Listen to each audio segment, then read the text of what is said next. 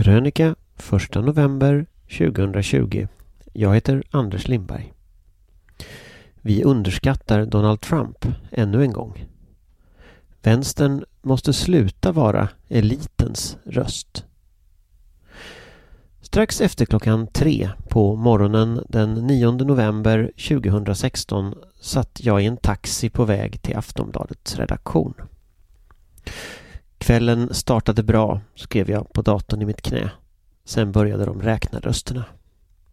Nyss hade jag lämnat valvakan på amerikanska ambassaden och fått i uppgift av min chef att förbereda en helt ny ledarsida. Fel person såg ut att vinna. Vi hade varit ganska förutseende, tyckte vi, och skrivit två olika analyser av valresultatet beroende på hur jämnt valet skulle bli. Enligt den första analysen vann Hillary Clinton. Kvinnor, hispanics och svarta väljare hade säkrat segern och röstat fram USAs första kvinnliga president.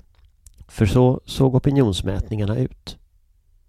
I den andra versionen, som vi skickade till tryck efter att vallokalsundersökningarna hade publicerats, klagade vi på att kampanjen varit smutsig men väntade med att utropa Hillary Clinton till segrare. Kanske under dagen, tänkte vi. Vid tre på morgonen fick jag alltså i uppgift att skriva en tredje version till tidningens kommande extraupplaga. Donald Trump är ett långfinger åt världen, blev rubriken. När jag fyra år senare letar i arkiven kan jag inte hitta texten där vi utropade Hillary Clinton till segrare. Den publicerades aldrig och har nog försvunnit vid något datorbyte.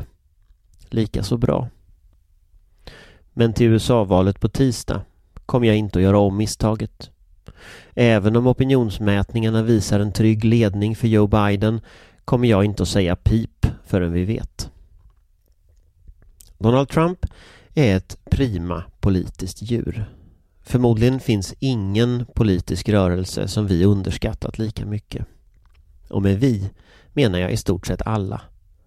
Andra politiker, journalister och väljare. Vänstern har inte skapat Trump eller SD, men populismen växer när vänsterrörelser blir elitprojekt som inte representerar arbetare eller arbetslösa, skrev dåvarande politiska chefredaktören Karin Pettersson på Aftonbladets ledarsida två veckor innan förra presidentvalet. Så blev det.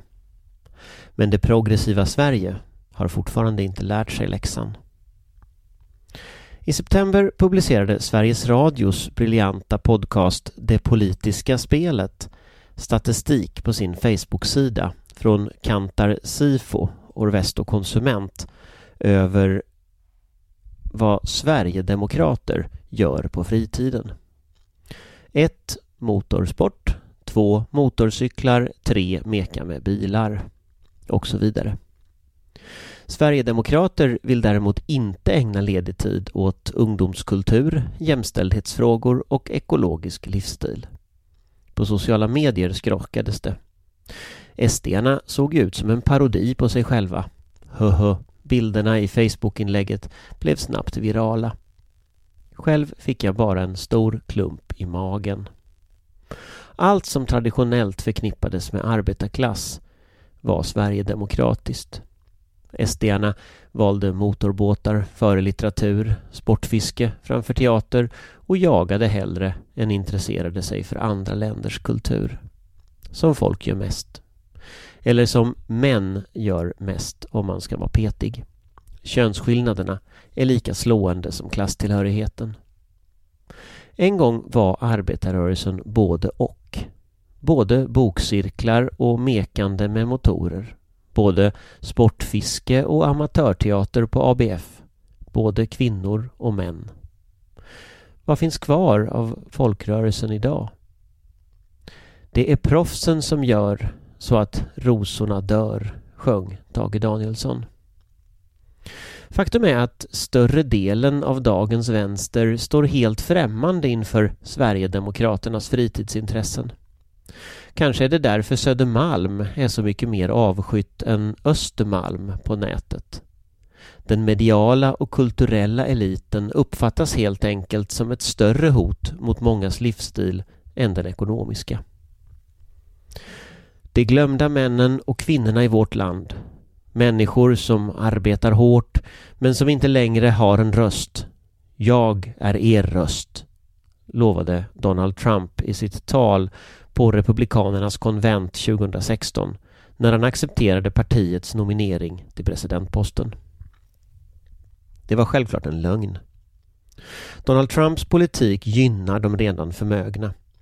Högerns själva livsblod är klassföraktet. Det är heller inte alla arbetare han pratar om, utan det med vit hudfärg.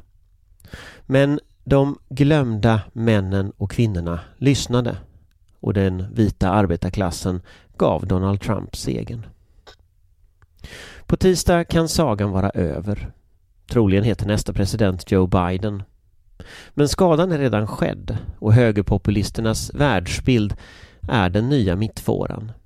Vågskvalpet når ända hit, till vår politik och vårt offentliga samtal. Svensk media, tidningar, radio och tv har nog aldrig varit så höger som nu i frågeställningar, ämnesval och val av medverkande. SVTs nyhetsprogram är allt mer som min barndoms statstelevision, som Vilse i pannkakan av Staffan Westerberg, fast tvärtom. Personligen börjar jag förstå hur de måste ha känt sig på moderata Svenska Dagbladets ledarsida under vänstervågen 1968. Om en vecka samlar SDs halvofficiella tankesmedja Oikos en rad av kulturkrigets mer framstående högerprofiler till en ledarskapsutbildning kallad Skoklosterakademin.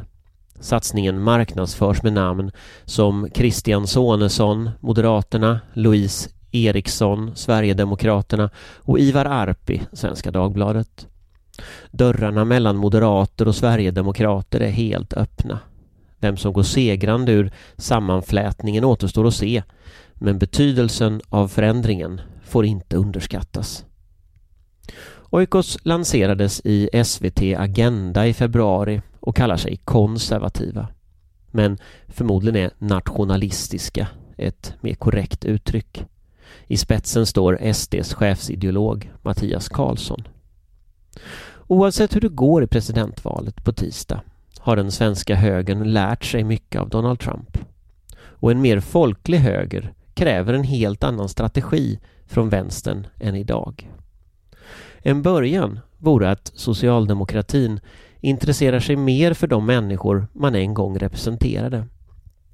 De som i åratal röstat på en traditionell socialdemokratisk politik för att de vill ha ett mer jämlikt och rättvist Sverige. Och som nu känner sig övergivna och maktlösa. Jag tror att den viktiga erfarenheten efter Donald Trump är just detta. En vänster som vill besegra högerpopulismen måste bli bättre på att möta människor i ögonhöjd.